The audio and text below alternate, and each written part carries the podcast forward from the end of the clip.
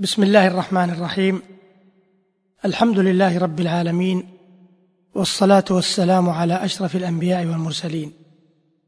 أيها المستمعون الكرام سلام الله عليكم ورحمته وبركاته. أما بعد فعنوان هذه الكلمة رمضان بين الماضي والحاضر.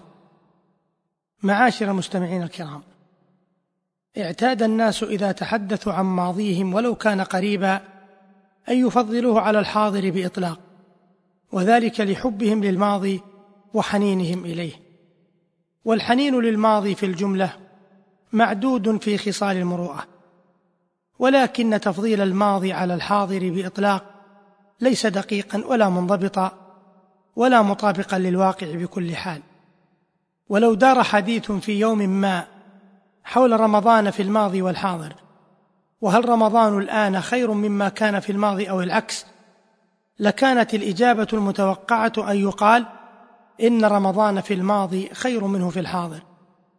ولا يقصد بالطبع برمضان ما كان عليه السلف الأوائل وإنما المقصود به ها هنا ما كان قبل سني الطفرة أو بعد منتصف القرن الرابع عشر الهجري.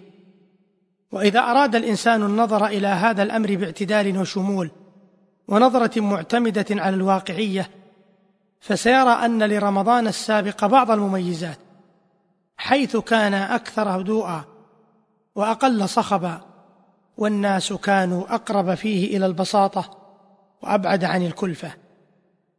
أما الآن فإن رمضان وخصوصا في الليل أكثر صخبا وضجيجا بحكم كثرة الملهيات والمغريات. غير أن ذلك لا يغمط رمضان في السنين المتأخرة حقه حيث يمتاز عما كان عليه في الماضي بميزات كثيرة.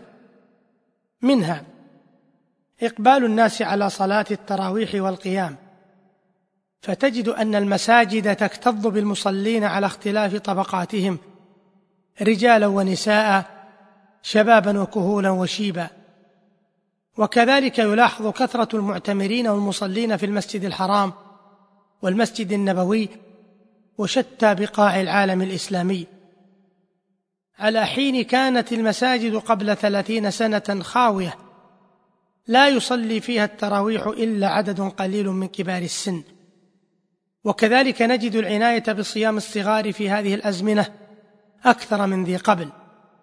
بل حتى صيام النفل كصيام الست ويوم عرفة وعاشوراء وأيام البيض حتى إنك لتشعر في أيام عرفة وعاشوراء وكأنك في شهر رمضان من كثرة الصائمين وما ينجم عن الصيام من سكينة ووقار.